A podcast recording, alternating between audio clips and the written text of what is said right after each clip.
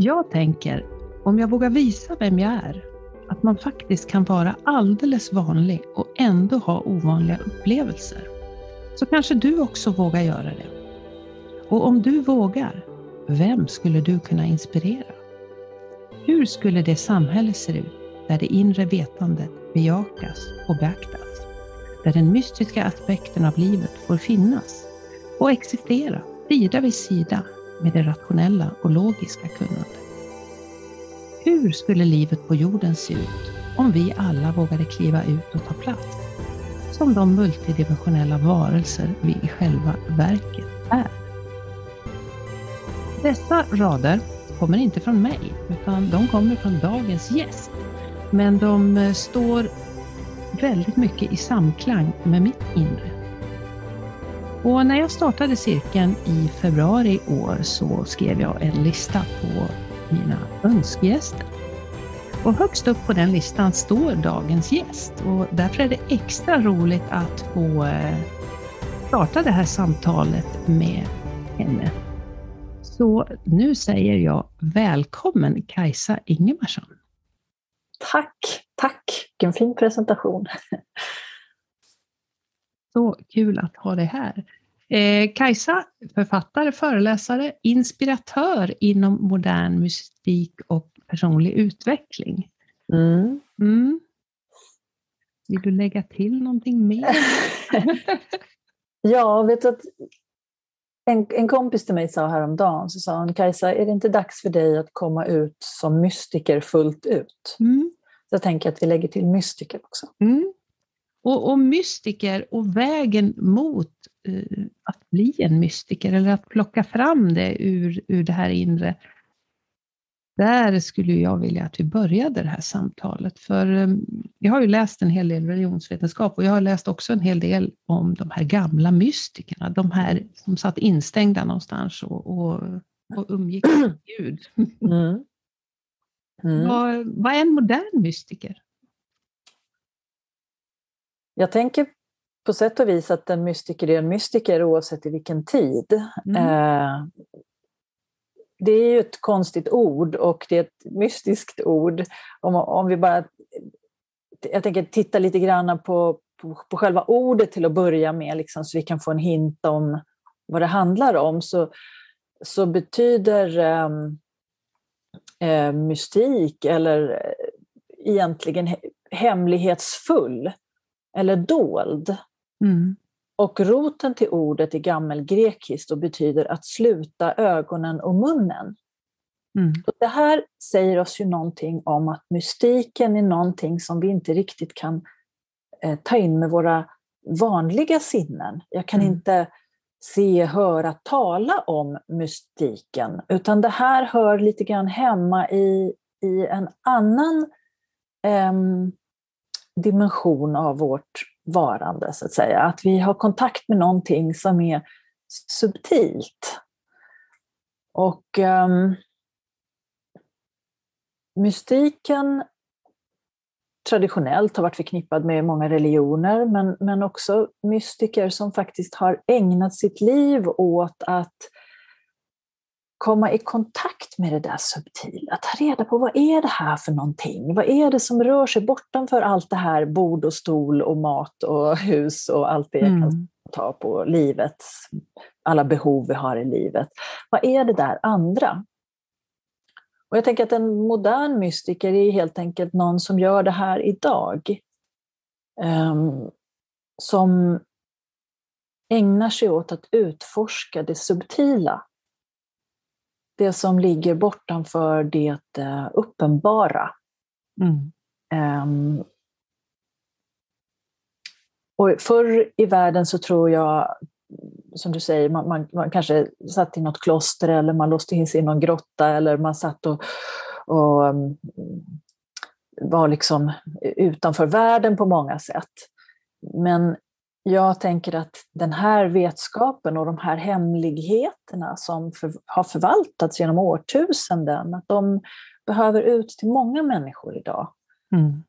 Och att som en modern mystiker så är det kanske att ta plats i det offentliga rummet och stå upp för det subtila. Mm. Att våga göra det i en värld som gärna hånskrattar åt allt som inte tillhör det, det, liksom det uppenbara. Mm.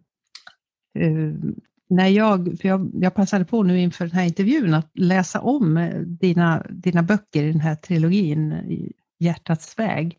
Mm. Eh, så en rad där som du skriver här, att samhället är inte anpassat till sådana som mig. Vi förväntas vara rationella, logiska, lagom avtrubbade och följa, följa givna mönster och, och regler och normer. Mm. Jag, hade ett samtal igår när jag just sa det här, nej men vad ska sådana som vi ta vägen? Var, var finns platsen för oss i det samhälle, i den moderna värld vi har byggt upp, som för mig på många sätt är en bisarr värld. Mm. Där vi fokuserar 100% på det som är rationellt. Och jag vet att du tycker om att prata maskulint och feminint. Vi kan prata om yang, yang-aspekten, yin och yang, alltså att det mm. yang upplysta, det kraftfulla görandet. Mm. Um, det utåtriktade, det aktiva, det rörelseinriktade. Mm. Medan mystiken står för, för, för yin, för det andra, för det som anas, förnims, eh, det subtila, det vi kan få kontakt med när vi stillar oss. Mm. Eh, och på så vis så är verkligen inte vår värld anpassad. Och jag, jag och många med mig som försöker att, att finnas i, i den här världen och försöka karva ut en egen plattform att stå på där jag får vara i det andra. Mm. Eh, vet att det är väldigt svårt. Och faktiskt, vi, vi far ganska illa i det. Mm. Eh, det är väldigt svårt att vara en modern mystiker. Eh, men då kan vi säga att jag har tagit det här ganska långt. Mm. Ehm, jag, jag har gjort det här till, min, till mitt liv. Där behöver man ju inte hamna. Man kan ju vara liksom i, i, i någon sorts nytt uppvaknande och treva lite grann. Och, och det är en jättebra början, så att säga. Mm. Så att, um, men jag förstår verkligen det här med att isolera sig i en grotta. Ibland får jag känslan av att jag, jag vill bara krypa in i den där grottan och, och, så vill jag inte träffa några människor. Man, jag tänkte så här, man måste här, korsa sju hav och, och, rida över sju berg och ta sig igenom sju öknar liksom, för att få komma fram till mig. Och om solen skiner och jag är på bra humör så kanske jag kommer ut och säger hej. Då tänkte jag på det här, så här oraklet i Delphi ungefär som satt där. ja, det kanske är en, en, en eh, uppblåst självbild, men, men känslan bara mm. av att det är så känsligt. Mm. Att, eh, och att det är som att för att få tillgång till det här subtila så behöver människan gå igenom väldigt stora reningsprocesser. Och det kanske vi kommer in på sen och prata mm. om hur mystikens resa ser ut. Mm. Mm.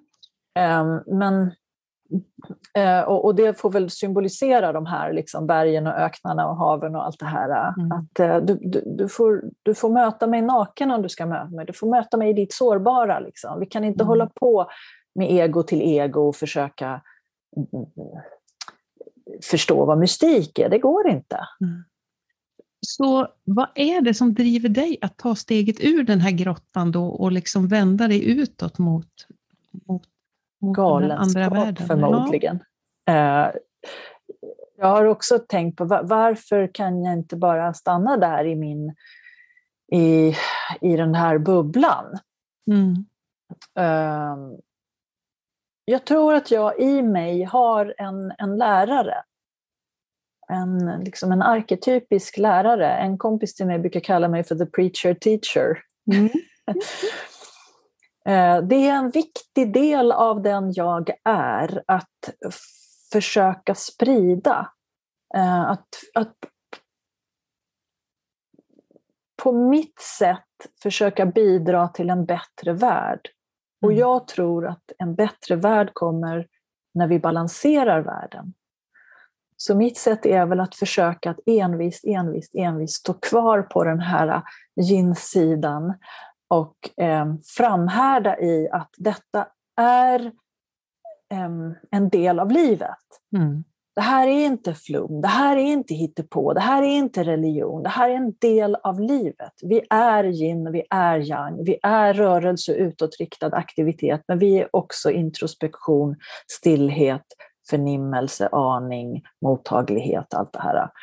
Vi kan inte liksom, vi kan ju bara se hur världen har blivit när vi gemensamt har, har skapat en värld som bygger bara på aktivitet och rörelse. Det, mm. blir ju, det är en bisarr värld, vi håller på att ta livet av oss. Mm. På riktigt. Ja, jag, jag, håller helt med. Det, ja. som flugor redan till följd av att vi lever i den här obalanserade världen. Så att jag tror att i mig så finns det en, en, en aspekten som helt enkelt vill göra sitt för att balansera världen. I det lilla. Jag kan bara nå så många människor. Liksom. Det, men jag har använt den plattformen som jag själv upparbetade under många år. Jag blev en offentlig person och så vidare. Och det visste inte jag då, men idag ser jag det som att det där var en del av min resa att helt enkelt skaffa en plattform där jag kunde nå ut till människor. Att det fanns någon som ville lyssna på vad jag hade att mm. säga. Jag såg någonstans att jag vet inte, det var något sånt där uttalande om att du tappade enormt många läsare. Mm, jag, ett tag räknade jag ut att det var 98,5 procent av alla läsare. ja. Ja, det, det, har, det har korrigerat sig lite grann, men, men i princip så ser det ut så. Och det har ju varit väldigt smärtsamt för mitt ego att se att, att den vägen som jag väljer och den som jag brinner för, att den är så smal.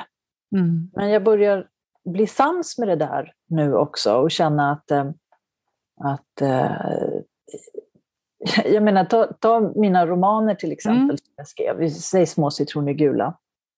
Om jag tittar på den idag så kan jag se att den innehåller Eh, den innehåller det jag säger nu, fast i en extremt utspädd form. Det handlar mm. om att du vågar gå din egen väg, du kan välja själv, du är inte dömd till att um, vara i det här formatet eh, som andra människor har satt upp åt dig. Du kan, du vågar, du vill. Mm. Uh, och det är ju i princip liksom det som jag driver, fast mer hårdfört liksom, i, mm. i trilogin om hjärtats väg. Um, så jag tror att jag har sagt samma sak länge. Men ju mer rakt på sak man blir i det budskapet, desto färre orkar lyssna. Jag tycker att det är fantastiskt att det är så många som lyssnar idag. Men till exempel, jag hade en workshop här om helgen Mm. Då, då, är det liksom, ja, men då är det 16 personer. Då är det en masterclass. Då har vi silat ner det från kanske liksom en miljon läsare ner till 16 personer. Mm. Som jag, jag läste om det och just det här, du, det, det, du beskrev den här workshopen som en grupp erfarna vandrare. Mm. Mm. De har vandrat en bit på den här vägen då. Ja, eh, och jag, det, det, kräver stor ansträngning om man vill fortsätta på den här vägen mot det som är mystikens mål, som är en, en förening med det gudomliga, kan vi säga. Mm. Eh, en, att upplåta sig själv till ett större sammanhang fullt ut. Att jag är en del av detta större och jag låter mig ledas. Jag släpper min egots vilja att styra och ställa. Liksom. Jag, jag, mm. och för att komma dit så, så är det en väldigt, väldigt lång reningsprocess. Alltså man behöver jobba med sitt ego. Eh, så därför skriver jag erfarna, därför att eh, man har gått ett par rund, ronder mm. med eh, jaget det viljestarka jaget som tycker att det har koll på allting, som vet hur det ska vara och som har, har en, en, lagt upp rutten redan i förväg. Jag vet att jag ska dit. det här är mitt mål, jag ska jobba med det här, jag ska göra det här. Och så när, ju mer man vandrar längs mystikens väg så inser man att det här jaget, det jag får släppa, jag får släppa, jag får släppa, jag får släppa, jag måste istället eh, upplåta mig till vart mysteriet vill att jag ska gå. Mm. Och det är superutmanande. Eh, och jag tror att på den vägen, när man har kommit så pass långt och man väljer att gå den vägen, då är det fint att ha någon som ledsagare. Någon som har gått den vägen förr. Någon mm. som har, ligger några steg framför. Därför att det är en ensam väg också. Gud vad jag känner att jag gör jättedålig reklam för musik. det är svårt och ensamt. Eh, jag hoppas jag får också kan säga någonting om vad fantastiskt det är. Men ja. Mm. Där känner jag då att jag kan vara en lärare för um, mm. därför att jag själv har gått ganska länge på den här vägen. Mm. I bästa fall kan jag vara någon som man kan ta rygg på eller, eller liksom, mm. jag kanske kan lägga en hand på axeln på någon och säga det är bra, du går på rätt väg. Jag vet att det inte känns så, men du är på gång. Liksom, tummen upp. och, och och din egen väg då, din egen väg mot det här, om, om vi backar lite tillbaka där liksom och tittar på, och, och samtidigt kanske titta på den här mystikens väg. Vad, mm. För det kan ju låta ganska, eller kanske låter väldigt komplicerat det här. Och abstrakt, svårt som du säger. Jag. Liksom, abstrakt, ja. liksom, vad, vad, vad, är det här för någonting? Och vad, alltså, vad är det här för en vanlig människa, om vi nu inom ja, citationstecken? Jag tror så här att det här börjar för oss Eh, med att vi inte riktigt känner oss hemma i våra egna liv längre. Mm. Alltså det skaver. Man kanske har uppnått väldigt massa av sina mål. Jag har ett jobb, jag har en, eh, en relation, jag har ett hus, jag har eh, byggt en veranda, jag har liksom, jag tittar på Netflix, jag gör en massa saker. Sådär. Och så, så vaknar det någon sorts känsla av att är det här verkligen allt? Det finns någon sorts tomhet i, jag har det jag vill ha och ändå skaver det. Varför skaver det? Mm. Och så mm. testar man att kolla på ännu en tv-serie eller, eller bokar ännu en semester. Eller, äh, ja, och så, ja, det bara fortsätter det här. Och här. Det här är ju ofta början på, på liksom uppvaknandet som är det första steget i på den mystiska resan. Om vi säger att vi börjar i någon sorts omedvetenhet och omedvetenhet menar jag att ja, livet är livet och jag har aldrig reflekterat över om det kan vara mer eller mindre, utan this is it. Mm. Eh, ibland har jag dåliga dagar, ibland har jag bra dagar. Eh, sånt i livet. Och så kommer den här liksom, det här lilla gnaget i en. Uh, och det här är ju början på uppvaknandet. Jag tror att det är en hackspett som hackar på mitt hus just nu. Jag hör den. Hör du den? Ja. Lyssnar ja. du som vill lyssna nu? Ja. Vad intressant. Mm. Ja, det knackar. Och det här är ju fantastiskt. Det här är en underbar synkronicitet. För jag brukar beskriva det som att någonting börjar knacka på inifrån. En vilja, eh, en vilja att utforska någonting. Och den, den startar i det här eh, att det är för litet, så att säga. Och um,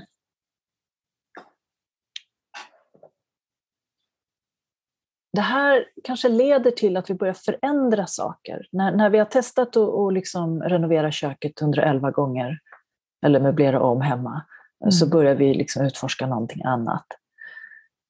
Och um, till slut så kanske vi får fatt i någonting vi kanske träffar någon människa som öppnar oss för någonting. Vi kanske hänger med på någon meditationsklass eller vi kanske börjar yoga eller liksom vi tar små steg mot det. Eller vi hittar en bok som plötsligt... Jag har, ju kontakt med många läsare och många som mm. säger din bok bara dök upp. Mm. Och jag har... Um, den här har betytt jättemycket för mig och jag, det är som att jag har fått svar på en massa frågor. Och så där. De har läst Den magiska gnistan, då, den första boken i trilogin. Mm. Um, och um, jag blir så himla distraherad av den här. Han har kanske ett budskap. Ovanligt, de brukar ju inte knacka på hus, de brukar ju knacka på träd. Alltså jag måste kolla vad det är. Du får trycka på paus. Kolla. Det måste vara första gången som, vi som du har haft med en trädkrypare, en nötvecka i din podcast. Ja, det var en nötvecka. Mm. Ja. En sån här liten upp och ner-fågel som vi brukar kalla dem, som Mm. kryper med huvudet före neråt på trädstammarna. Ja, då har vi varit tre i podden idag då. Mm. Ehm, Det här är ju för övrigt en händelse som jag skulle ta på, alltså som jag tar på allvar. I mitt liv så är såna här anmärkningsvärda händelser alltid någonting som får mig uppmärksam. Det här Mm. handlar om förnimmelser och aningar. Varför dyker den upp när vi pratar? Ehm, Det här är sånt där som jag kan gå och tänka på sen hela dagen. Vad var det den ville? Men det här var en liten utvikning nu. Jag vill bara komma tillbaka till det här med Mm. mystikens väg, med det här uppvaknandet och upplevelser vi kanske har ehm, i det här.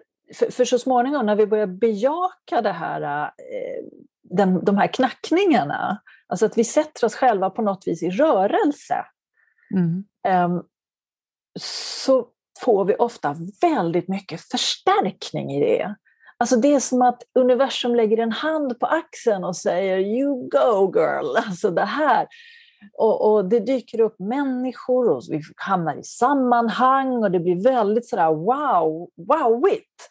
Vi får otroligt mycket stöd på vägen och jag tänker att det är för att den eh, låt oss säga universum, för att inte använda stora jobbiga gudsbegrepp, eh, vill säga det här är rätt väg.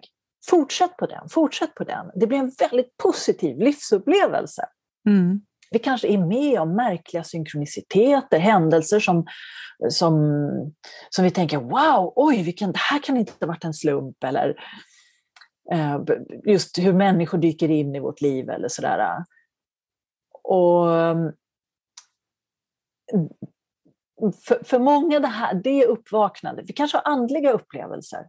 Vi kanske Mm. är med om helt oförklarliga andliga saker. En, eh, du vet, någon talar till oss i en röst, eller vi ser saker, eller vi upplever någonting som, som ja, vi kan kalla för andligt. Mm. Ehm, visioner, drömmar, whatever.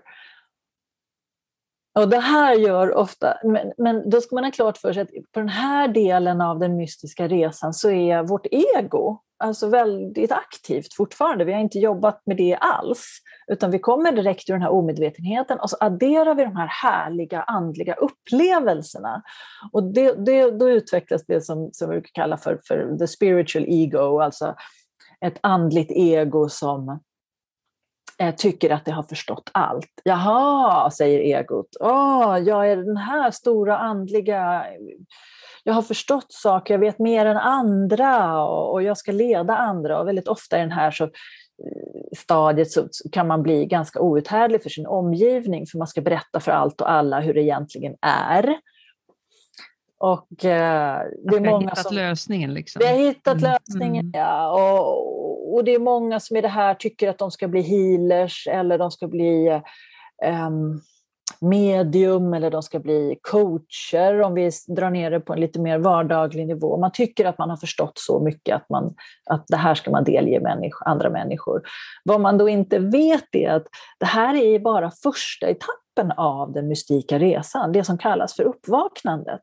Mm. Och, och det har väl starka färger i sig det här uppvaknandet och vi, vi blir förförda av det.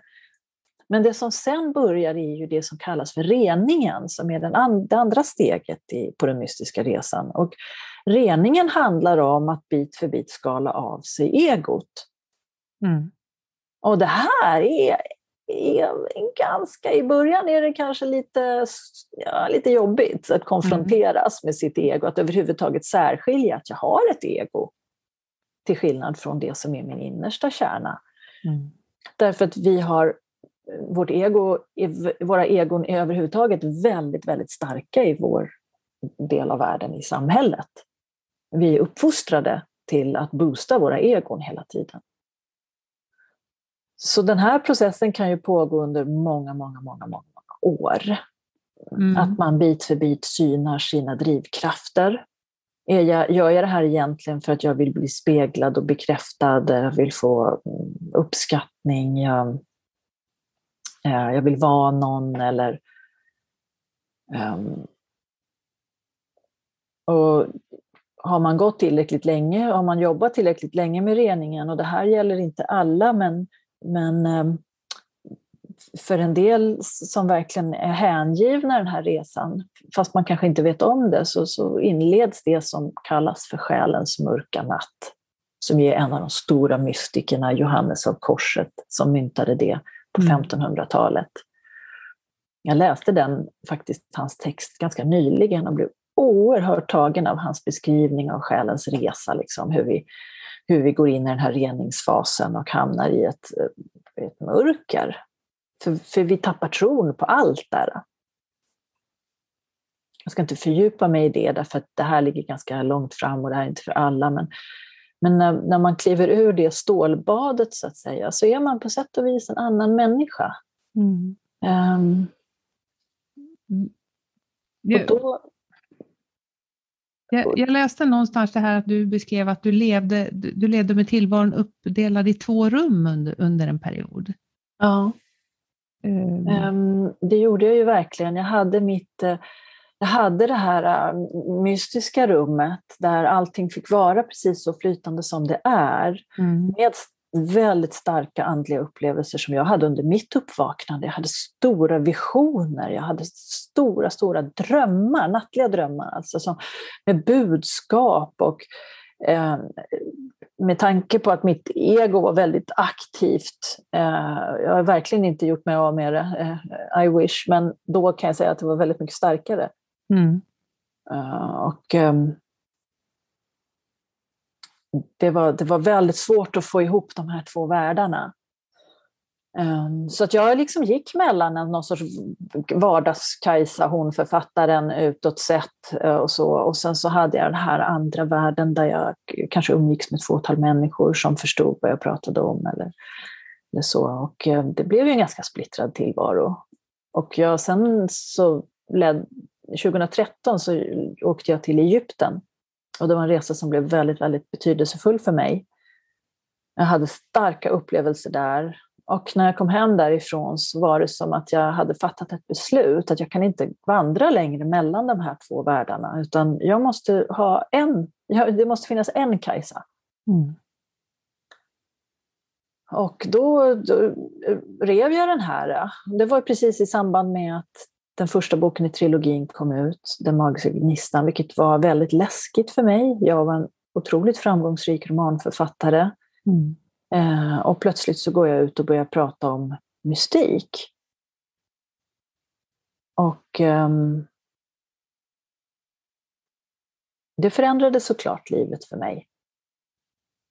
Eh, och det var väldigt smärtsamt att känna hur, hur den, här, den här andra personen som jag hade varit liksom vitt, har vittrat under väldigt lång tid. Vi pratar tio år, liksom, mm. bit för bit.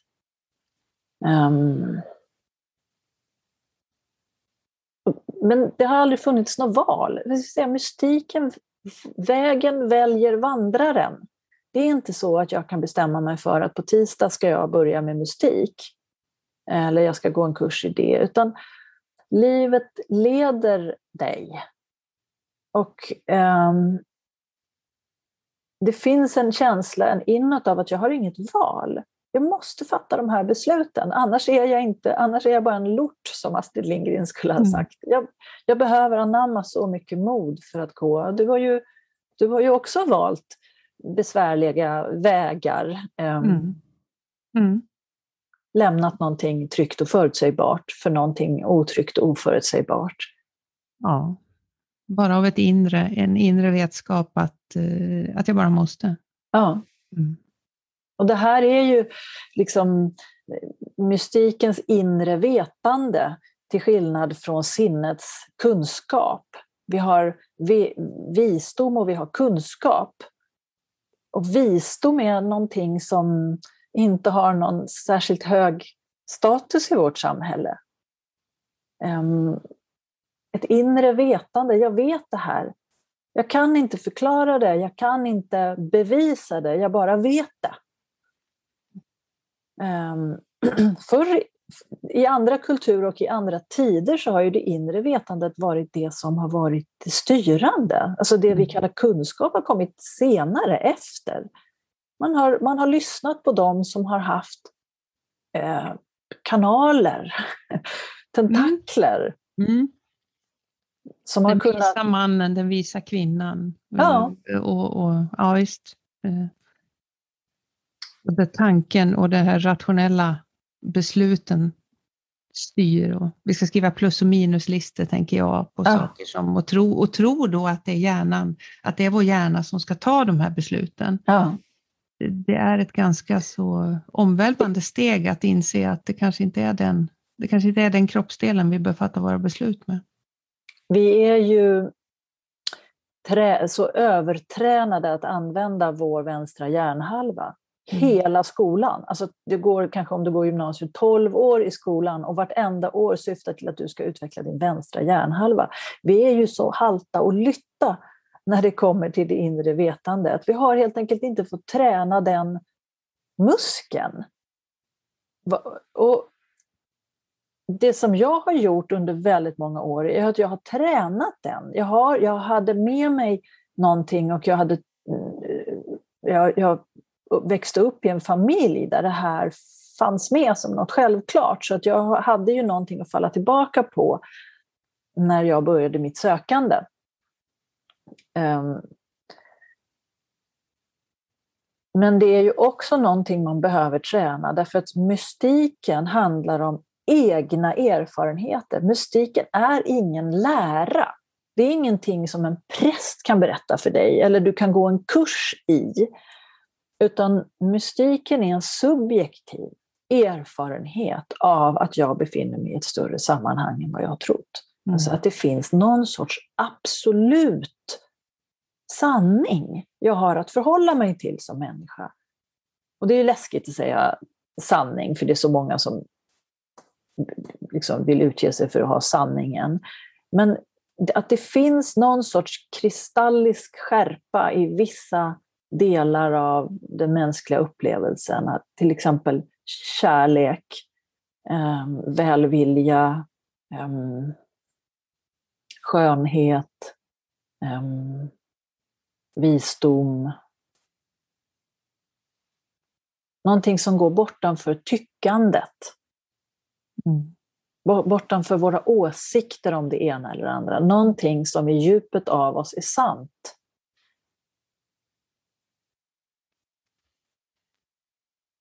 Och den som lyssnar här nu känner att det finns, ett litet, det finns något frö av det här. Det finns det här, det här missnöjet som gror eller det här sökandet. Vad, vad, vad brukar du ge för råd att börja den där resan någonstans? Ja, jag fick ett brev från en, från en läsare härom, ja, häromdagen bara. Och hon beskrev precis den här situationen, hur det skavde, hur hon hade försökt så många strategier för att hantera mm. skavet. Allt ifrån kanske att byta jobb till att ja, försöka distrahera sig på olika sätt och så. Och hon sa att ja, men, hon hade läst mina böcker och kände att det liksom resonerade i henne och hennes fråga var liksom, hur ska jag göra? Hon ville ju bort från skavet, för det är naturligt. Vi, vi vill inte vara obekväma i våra liv. Vi vill att det ska vara skönt liksom, att leva. Det ska vara flow och det ska vara gött. Så hon sa, hur kommer jag bort från det här? Och hon föreslog att ja, men om jag önskar tillräckligt mycket att någonting ska hända så kanske det gör det. Och jag sa till henne att nej, det funkar inte. Man kan inte mm. önska så. Att svaret är våga stanna i skavet.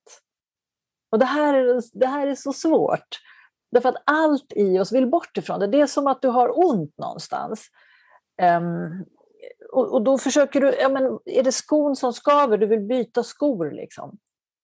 Och det kommer du behöva göra så småningom, men du behöver, du behöver stanna i upplevelsen av att livet är för litet, alltså att orka vara med dig själv. Och försöka känna in, vad, vad är det som inte stämmer? det kan ju vara ett typiskt exempel är ju att väldigt många människor lever i, i relationer som, är, är, som inte funkar egentligen. Jag ska inte säga destruktiva för det är ett för starkt ord, men de är inte längre, de ger inte längre. Vi resonerar inte längre med, med en människa på den nivån som vi gjorde när vi blev tillsammans en gång i tiden. Mm. Och det här är ju en otroligt jobbig insikt. Ehm, så då försöker vi hitta på andra saker för att komma runt det här. Men jag tror ju att, eller jag vet att i oss så finns egentligen svaret. Jag vet att jag, den här relationen är över. Orkar jag, orkar jag stanna med mitt obehag tillräckligt länge för att landa i den? Att bara andas i det och känna, ja så är det. Det betyder inte att jag måste rusa ut och ändra saker. För att det, då vill vår logiska hjärna se en sekvens. Ja, men i sådana fall måste jag, då måste jag skilja mig och då så måste jag skaffa eget boende och måste göra det här och hur ska vi göra med barnen och bla bla bla. Och det blir jättesvårt och stort och då så bara storknar vi och då blir det att man ändrar ingenting för att det blir för jobbigt. Mm. Men om jag säger så här, det enda jag behöver göra nu är att stanna i mitt skav, att erkänna för mig själv, om det nu handlar om en relation eller ett jobb, det är två väldigt vanliga områden. Kan jag stanna med mig själv och bara säga, så här är det. Det här jobbet eller den här relationen är inte längre rätt för mig. Jag har just nu inte kraft att ändra någonting, men jag erkänner för mig själv att så är det. Och när vi bara orkar möta oss själva i skavet, utan kravet på förändringar, så händer det någonting. Mm. Det frigör så enormt mycket energi. Det är som att vi har hållit andan och nästan krampat i det här liksom skavet och att skydda oss från insikten om det där som vi egentligen vet. Men om man, om man säger så nej men vi lägger korten på bordet, vi säger så här är det. Då är det som att vi behöver inte krampa runt det där längre. Och i mm. avslappningen så kan plötsligt saker hända. Och vi kanske rent av kommer på att det finns en väg för den här relationen eller för det här jobbet att utvecklas. Men vi kan inte nå det när vi fortfarande är i den här krampen. Så, så det är väl egentligen mitt råd att om man befinner sig där i början i det här liksom skaviga läget, att bara jobba med ärligheten mot dig själv. Skaffa en egen anteckningsbok, dagbok och liksom skriv. Och försök bara att stå upp för någonting som är sant. Det här är ju första vägen mot att nå den, vår innersta sanning. Vågar jag stå upp för det som är sant här och nu i mig?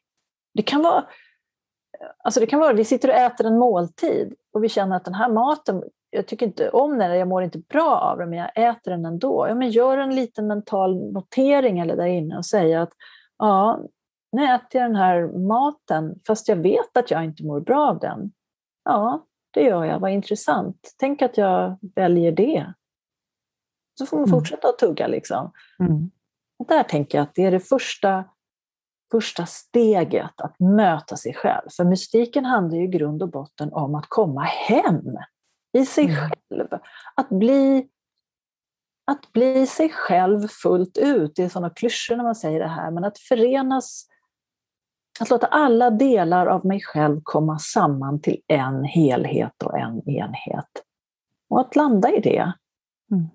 Känna liksom att, ja, att komma hem. Och när vi väl är hemma i oss själva, då spelar det inte så himla stor roll hur det ser ut runt omkring oss. Vi måste inte söka den tryggheten utanför i en massa saker. Mm. Utan, så att, att möta sig själv är verkligen A och O. Mm. Bara ärlig i små saker. Mm. Jag sitter och tänker på, på de här upplevelserna, de här, eh, om man nu ska kalla dem andliga upplevelser, universella upplevelser, upplevelser av Gud eller någonting, någonting annat. Har du någonting att säga om dem? Vad, hur, hur vet man att det är? Hur, hur våga öppna upp för den typen av upplevelse?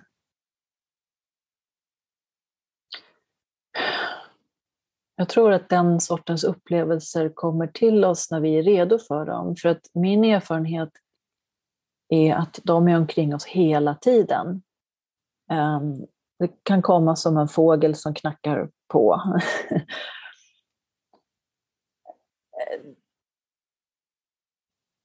när jag upplever sådana här äh, starka synkroniciteter, alltså meningsfulla händelser, och så blir jag full i skratt och så nickar jag lite liksom någon, mot någon sorts osynlig avsändare och säger ja tack, I get it, vad kul, tack vad fint att jag får känna mig sedd och om, omhållen liksom, i, i, i det jag är i.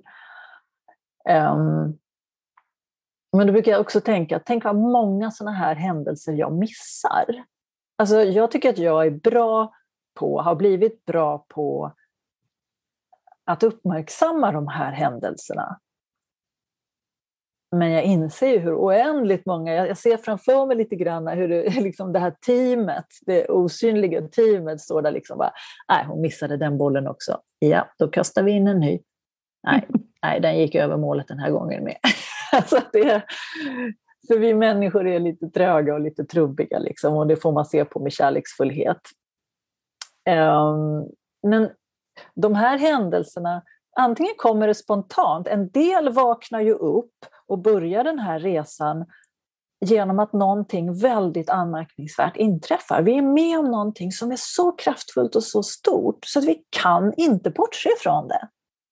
För det här är inte någonting jag har läst om eller sett på tv eller, eller hört någon lärare berätta, utan det är någonting jag själv har upplevt. Shit, jag, många historier om folk som har förlorat nära anhöriga, som har liksom eh, som har upplevt verkligen hur ah, men mammas favoritfågel kom och satte sig, liksom, satt precis utanför kyrkan efter begravningen eller eh, någon, någonting sånt där som han har upplevt som eh, bam, liksom. jag vet att det var mamma som satt där. Jag vet att det var en hälsning från henne, eller hur det nu är. Och det där kan ofta komma när vi är i ett ganska sårbart skede, när vi är liv och död och sjukdom och, och, kriser och sånt där. Det öppnar oss och gör oss väldigt sårbara och i de där ska vi säga, luckorna, när vi är så sårbara, då, då kan det där som är större komma åt oss på ett lättare sätt. Mm. Så att vi ska inte vara rädda för liksom den, det, det sorg till exempel eller eh, smärta, för det kan ibland vara vägen framåt för oss.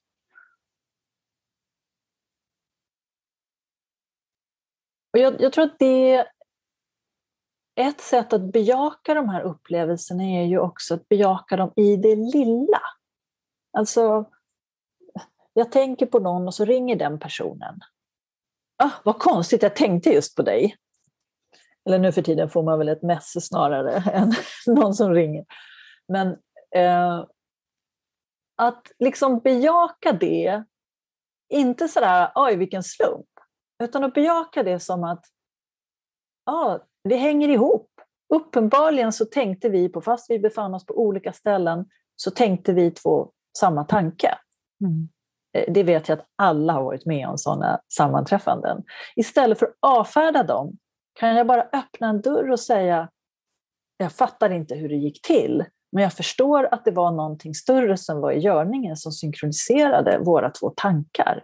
Att vi befann oss på samma våglängd just då. Mm. Det är ett sätt att, att öppna upp för det här. Alltså att hela tiden bejaka det subtila. Jag tycker så mycket om orden aning och förnimmelse. Mm. Um, när sinnet vill rationalisera bort och säga äsch, det där var väl bara en slump eller du vet, man är med om något, ja, men man, man kanske har en dröm, en stark dröm, ja men det var ju bara för att jag såg det där på tv igår eller det var väl bara för att liksom. Um, så skjuta undan den där rösten och säga jag skiter i vad du säger. Jag vet att det här var, inte var en slump. Det här var någonting som, som synkroniserade händelserna. Och när man börjar så, då är det lite grann som att gå på skattjakt, tänker jag. När man börjar se det där så ser det som att man, och kolla, här ligger en guldklimp här också, och där, och där. Det är liksom att gå ut och hitta kantareller. Liksom. Att man bara så här, oj titta, Här är ett helt liksom, stånd med kantareller. Så det är väl ett sätt om man är, om man är i början av den här resan. Mm. Um, och, och, jag tänker att kanske många av de som lyssnar på det här befinner sig där i början. Mm. Um, en, en fundering då som, som uppstår, som, som ofta uppstår när vi inte förblir den vi har varit. Mm. Det här med, med vad händer med vår omgivning? Vad händer liksom med dem runt omkring oss när de börjar fundera, så, men, ja, vad håller du på med? Mm. Det här är inte du. Nej, det är ju väldigt jobbigt. Jag kan verkligen relatera till det själv. Um, och då blir det ju att vi skapar den här uh, tvårummaren. Alltså mm. att vi, om vi säger att när vi är i någon sorts omedvetenhet, vi har inte börjat uppvaknandet ännu, så, så, så är vi, bor vi i en, uh, vi har en, vi bor i en enrummare. Liksom. Mm. Och så plötsligt så börjar det här hända, man börjar bejaka saker och man kanske vill fatta beslut som, som, går, som är irrationella, att sluta på ett jobb eller någonting sånt där. Och det är klart att det blir väldigt hotfullt för de omkring oss som inte alls har flyttat ur den där enrummaren, som bor kvar där.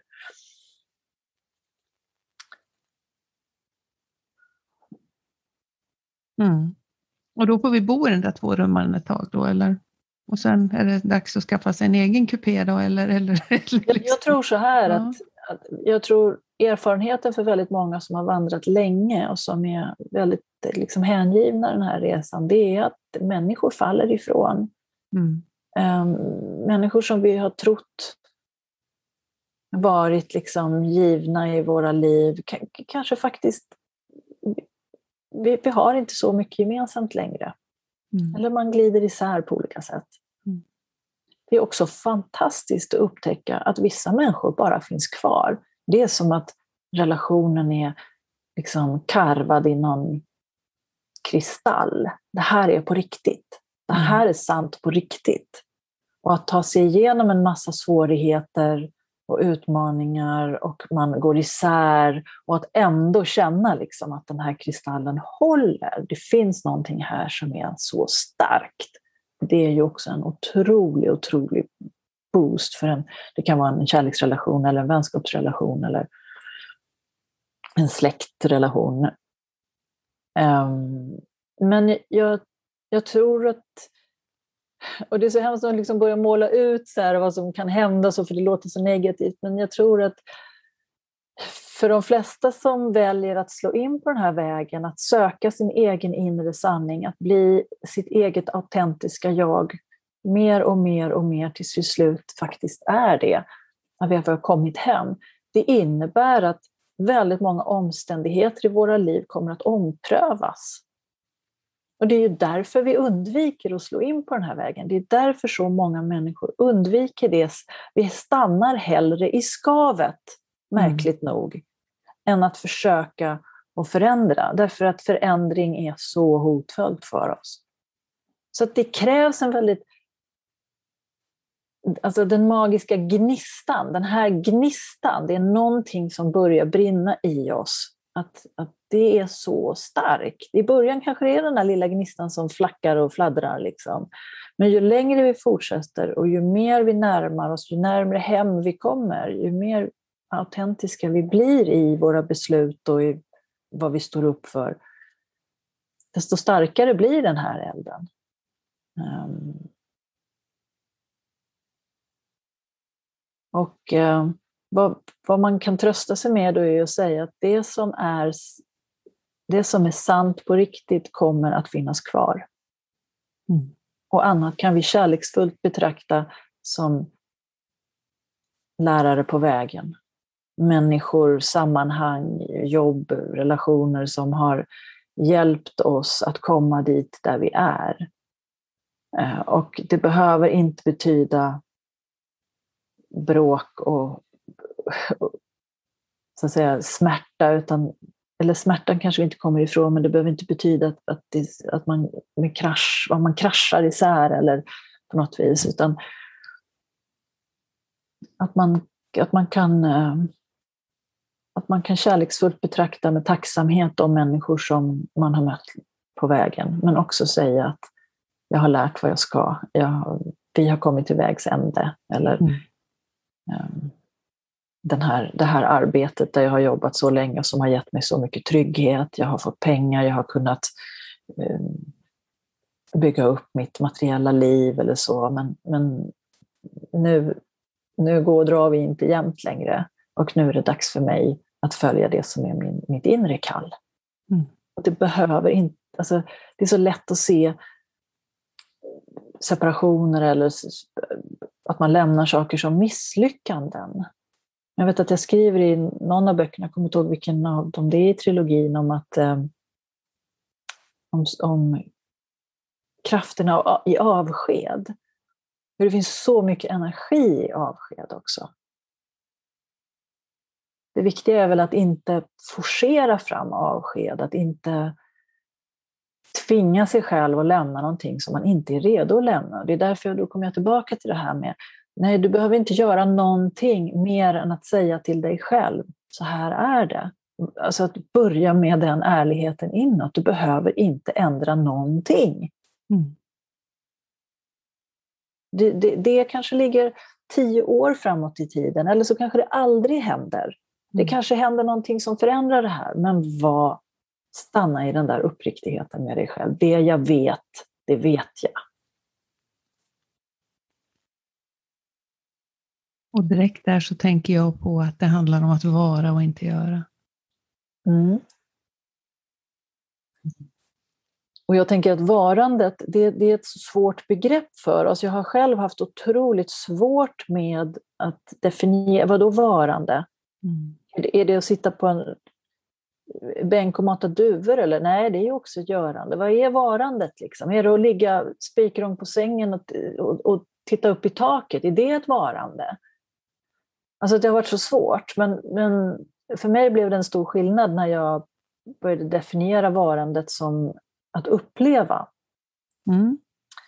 Till skillnad från att göra så upplever jag. Jag gör mig själv mottaglig för upplevelser. Och när och mystiken är ju lite, jag har beskrivit det som att det är som en blomma som slår ut blad för blad. Vi får bara veta en sak i taget. Du kommer aldrig att ha hela kartan på, för, på förhand, utan det här är ett trevande i det okända. Och, ehm, och varje blomblad är en upplevelse som leder mig någonstans. Jag låter mig ledas av de här upplevelserna. Och då tycker jag att det blev mycket lättare att förhålla mig till, till begreppet varande. För att det innebär att, jag, att någonting uppenbaras för mig, Jag, jag är i min mottagliga del, i min ginaspekt. Jag är i den mottagliga delen, tar emot upplevelser och utifrån dem så fattar jag en annan sorts beslut än om jag rationellt har lagt ut kartan och rutten i förväg, jag vet vart jag ska, då kommer jag fatta beslut utifrån den målbilden. Hatar mm. ordet målbild för övrigt. Eh, utan här är det som att jag tillåter mig själv att ta ett steg i taget. Uppleva, känna in, förnimma, ana, och känna, aha, jag ska ta det där steget. Och så kommer jag till en ny plats och så liksom en, ett nytt blomblad jag upplever, förnimmer. Så det är ett helt annat sätt att förhålla sig till livet. Mm. Mystiken, jag har undertiteln på den andra boken i trilogin, de heter ju Den magiska gnistan, modern mystik och hjärtats väg. Den andra boken, Modern mystik, den har som undertitel Den dolda vägen mot inre klarhet. Mm.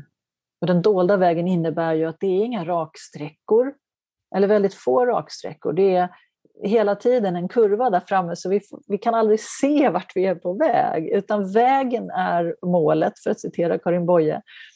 Vi tar ett steg i taget och det är grejen. Mm. Vi ska uppleva livet, vi ska inte ta oss fram till ett mål. Vi kan inte ha en målbild om att ja, men om fyra år då ska jag ha ett eget företag och omsätta 22 miljoner och eh, jag ska ha en semestervilla i, i Cannes. Liksom. Utan jag, det, det kanske, för det är bara sinnet, det är bara liksom egot, sinnet som har skapat den där bilden. Den har ingenting att göra med vad min själ egentligen vill. Tålamod kan behövas på den vägen känner jag. Ja, tålamod och tillit. Mm. Och det är ju det svåra, tilliten, för att vi utmanas ständigt i... Det, det är som att det är som en sån fallövning. Man ska falla i någons armar, men kroppen kommer stelna till liksom halvvägs, så vi litar inte på det där. Mm. Och vissa människor har en disposition att man har lättare för tillit. Andra människor eh, är väldigt otrygga i sig själva och behöver ha väldigt mycket struktur runt omkring sig för att våga ta ett steg. Det finns ingenting som säger att det är finare att falla handlöst. Liksom. Att åh gud, jag, jag sa upp mig och sålde villan och skilde mig. Liksom. Nej, det kanske är vägen för någon, men för någon annan kanske det är att, att ta ett pyttelitet steg i någon riktning. Mm. Var, vi är var och en unika varelser, unika själar med var, varsin unik väg att gå. Ehm, men att bejaka, att bejaka det där inre vetandet, det är som en...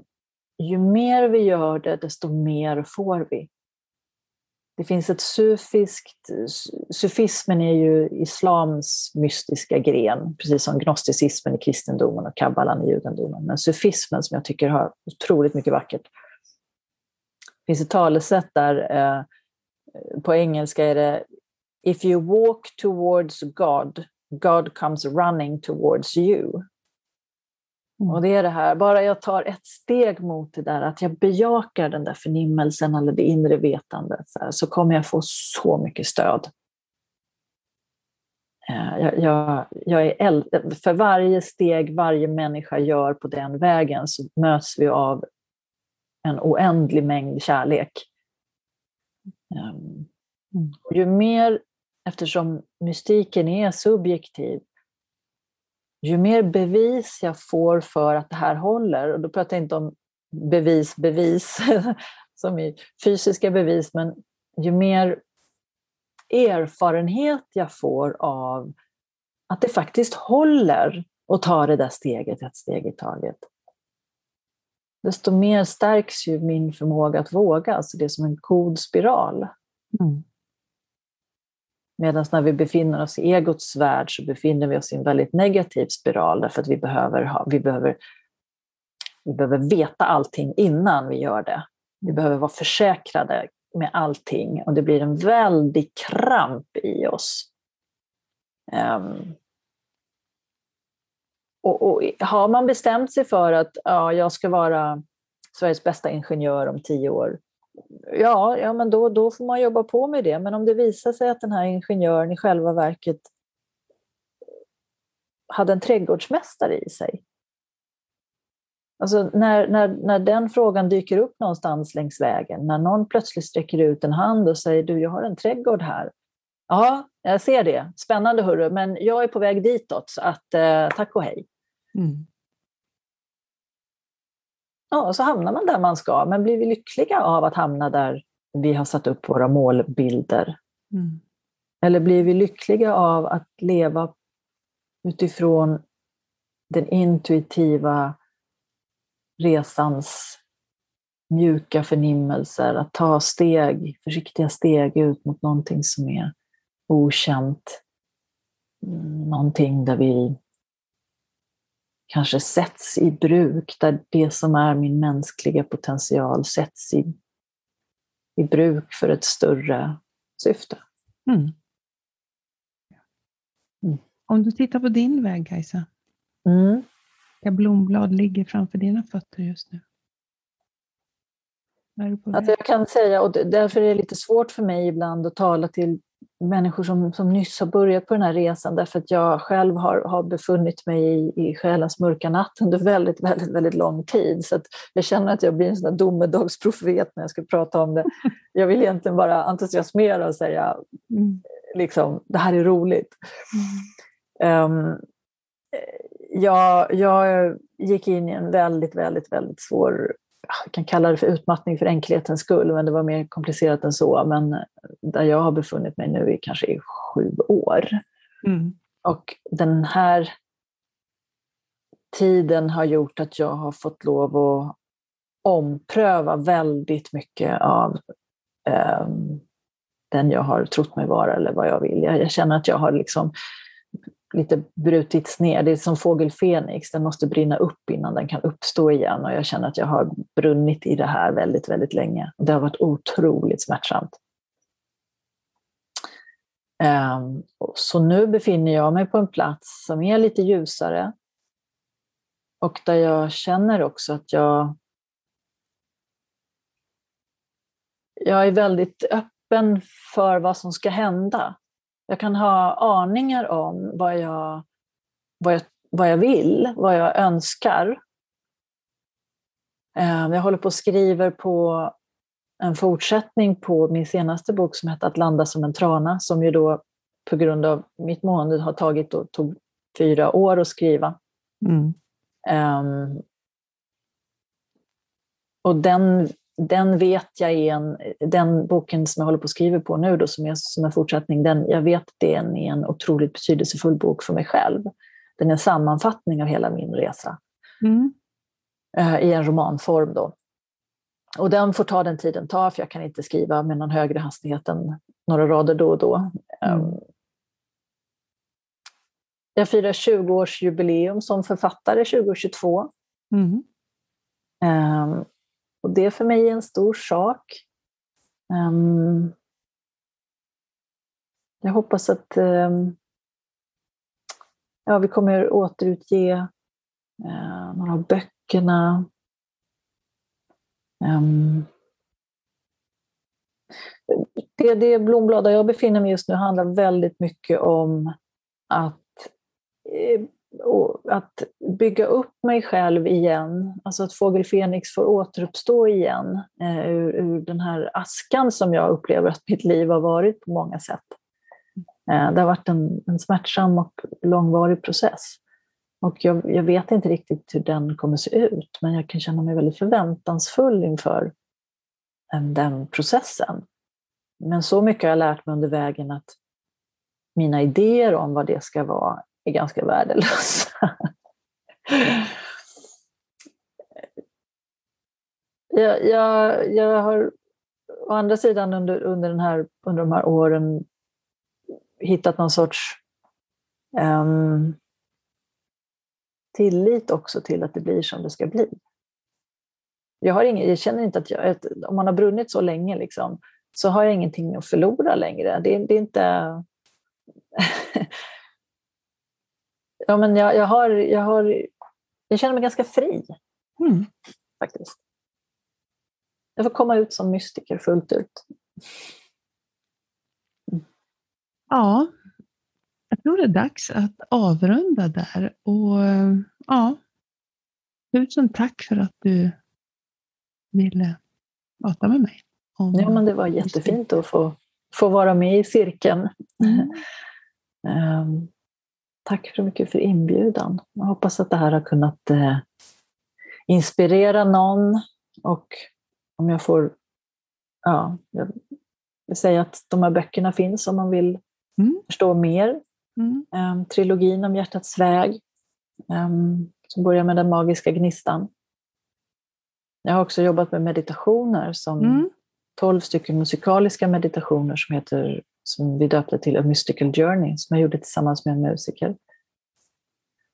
Eh, som är ett sätt att, inte, att erbjuda kanske inte bara att läsa om mystik, utan att faktiskt få egna upplevelser av den. Så det här är väldigt, väldigt kraftfulla meditativa aktiveringar av den inre kraften. Mm. Um, så journey. också ett ställe att börja, börja sin resa. Det är ett väldigt spännande ställe att börja sin resa på. Det är, men eh, spänn fast säkerhetsbälten och håll i hatten, för det mm. händer saker när man lyssnar Vi på lägger en länk till, till den sidan här ja, men jättefint. i texten till podden. Ja. Och en länk till dig. Så tack så mycket. Tack så mycket.